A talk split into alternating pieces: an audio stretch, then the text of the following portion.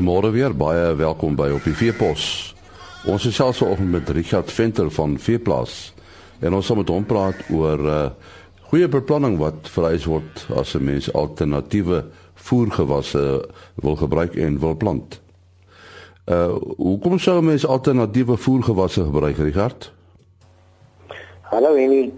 Ja, weet jy, uh, die gedagte hier agter is ehm um, weet ons so gewoond die die gewone gewasse plant die die mielieboere veral uh, ons gebruik soms soja vir wisselbou en ons plant hooi vir ons vee. Um, ons maak natuurlik kuilvoer, maar my gedagte hier agter is eintlik om te sê kom ons gaan kyk 'n bietjie wat kan ons meer doen met hierdie gewasse of watse alternatiewe bestaan daar vir ons uh, in die, in die in die plek van daai gewone gewasse.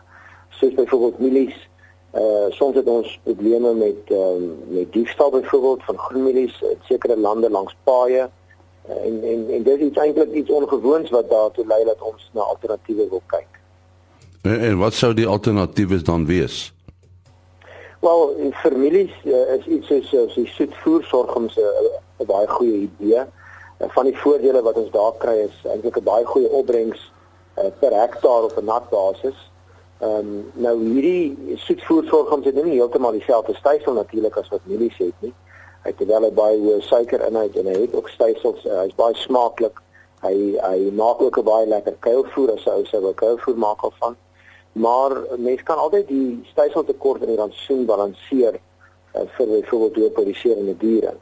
Wat baie lekker is ook van die voersorgums is as 'n ou sou kuilvoer sny van hom dan is daar weer 'n uh, opslag wat uh, wat as staande hooi gebruik kan word hier net so voor die winter. So so daar is 'n addisionele voordeel wat ons nie het met byvoorbeeld mielies nie. Ja, dit is nou die voedselsorgums, is dit die enigste? Nee, weet jy, ehm um, die die ander ding natuurlik wat ek baie vir jou eens voorstel is om om te kyk na soja as meer as net 'n wisselbou gewas, maar ook as 'n moontlike voergewas in die vorm dan van van kuilvoer. Nou oor die algemeen is ons boere, ek dink tradisioneel, die wat dit probeer het in die ou dae sonder hulp van tegnologie en met tegnologie verwys ek nou spesifiek na moderne kuilvoer in op die lande wat uh, spesifiek soja baie kan help.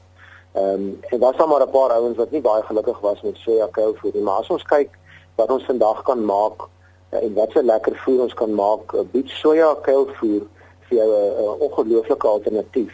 Jy weet, omdat hy 'n baie hoë proteïen inhoud het, kan ons eintlik iets soos die sern uh, uh, ons afhanklikheid van die sern verminder of selfs heeltemal uitskakel. En veral in seisoene waar die waar die pryse weghardloop, as ons dan 'n soja kuilvoer banker het, dan is ons daar baie mooi verskans uh, weet uh, teen daai variasie. En dan wat nou baie lekker is van die sojaboon ook is uh, daar's nie regtig spesifieke kuilvoer uh, kultivars nie. Daar is so hierdie na een wat meer aanbeveel word as die ander, maar ou kan eintlik enigiets sny en uh, wat dan daartoe lei dat ons eintlik diep in die seisoen in in maart maand of so eers die besluit kan maak of jy wil inkuil of nie. Mense kan dan die besluit neem rondom hoe lyk die sojaprys, hoe lyk jou oes en ook hoe lyk die voersituasie rondom byvoorbeeld die seerings soos ek genoem het of dan net jou eie voerbank om te sê moet ek hierdie soja wat op die land is dalk in, uh, inkuil of moet ek dit los en dan uh, as 'n graan oes 'n bietjie later. So so mense moet nog deeglik beplan vir hierdie uh hierdie stappe wat jy gaan doen. Ja, jy is heeltemal reg en en en, en dis jy hierdie beplanning wat ek voel wat nou al begin. Jy weet, uh, van die voersorgings is baie gewild so die saad verkoop dalk uit.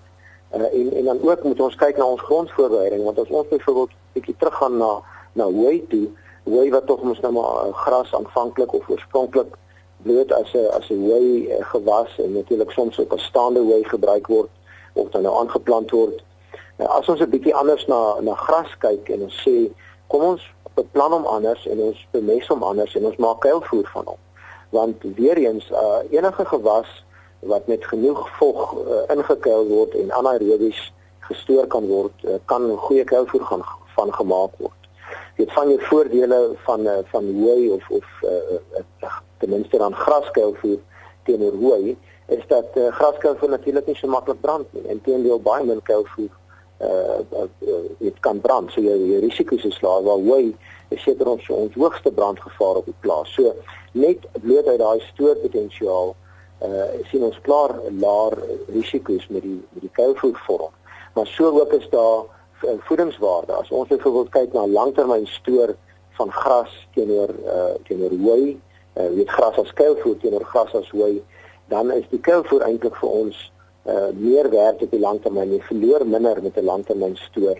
En as jy weer reg gras vir so lank stoor in die vorm van hooi, dan moet jy hom denklik toemaak met seile of hom onder dak kan stoor en hom baie goed kan bestuur en die risiko's kan bekamp om reg na 'n jaar of twee te kan sê uh, kom ons vergelyk nou voedingswaarde wat ons wat ons opgeberg het.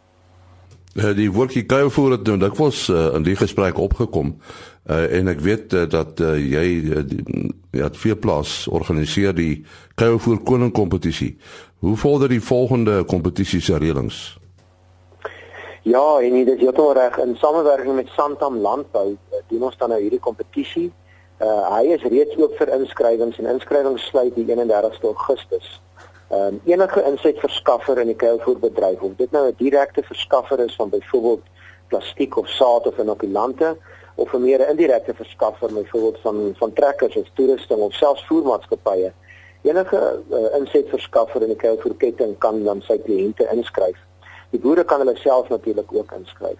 En die kompetisie word dan uh, uitgerol gedurende Augustus en September en in Oktober word die uh, die finale uh, analises gedoen en die data verwerk. Die boere sal almal besoek word deur uh, deur 'n span uh, jong studente wat ons gaan help wat dan die uh, monsters neem op die plaas vir ons 'n baie streng protokol. En hierdie monsters word dan uh, ontleed saam met 'n paar uh, punte wat op die plaas waargeneem word en dit word in 'n in 'n formule ingesit en dan word die finale eh, die die finaliste word aan die einde van die jaar selfs besoek ook.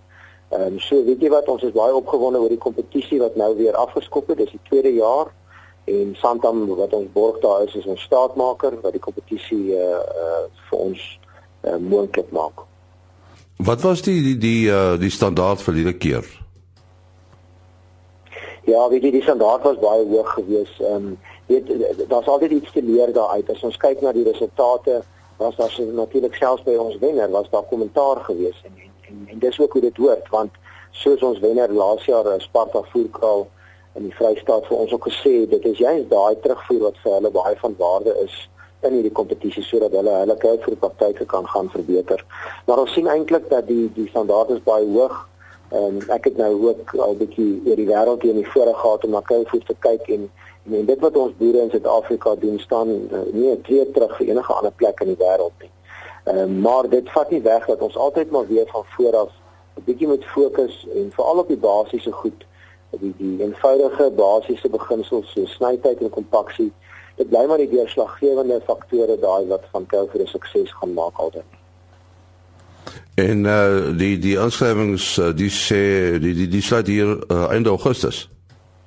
Ja, die inskrywing sluit einde Augustus. Ehm um, enigiemand wat belangstel kan my gerus kontak. Uh, my e-posadres is richard@veeplaas.co.za. Ek stel net my naam daar asseblief. Dis Richard R I C H A R D T @veeplaas.co.za en hulle kan my gerus kontak of gaan net na veeplaas.co.za of kyk ook op ons Facebook bladsy en kyk dan gerus die inskrywingsvorms daar. En dit is 'n uh, algemene praktyk? Nee? Ouens maak kuilvoer in Suid-Afrika. Ja, dit is baie algemeen en nie daar's eintlik nie 'n uh, groot intensiewe herkouer gebaseerde besighede wat nie kuilvoer maak nie. Die enigste uitsondering is een of twee groot voerkrale wat se omvang bloot so groot is dat hulle dood eenvoudig nie genoeg kuilvoer kan maak nie.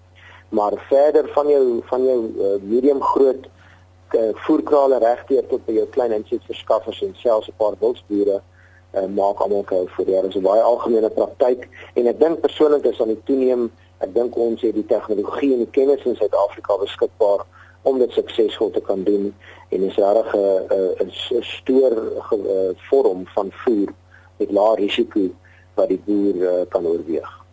Ja, interessant dat die wildboere ook dit nou doen, hè. Ja, in verlede jaar was ons uh, ons tweede plek in die kompetisie was intedeel uh, 'n wildboer gewees. Hy het ook 'n kwarantainestasie en hy vind dat die kuilvoer baie goed werk vir hom uh, vir korttermyn en langtermyn voeding van uh, van wild. Goed, Richard, jou telefoonnommer? Dis dan uh, my nommer is 083 590 3014 En hulle kan my enige tyd skakel rondom die Kouvoer kompetisie. Net weer jou nommer? 083 590 3014. Dit was uh, Richard Venter van uh, Veeplaas wat gesels het oor die uh, die plant van alternatiewe voergewasse en natuurlik die kuilvoer koning kompetisie wat saam met uh, Santam Landbou bedryf word. Onthou op die veepos is 'n program wat hoofsaaklik op die veebedryf gemik is en uh, elke weekoggend om 4 voor 5 uitgesaai word. Tot môreoggend, mooi loop. Ooh.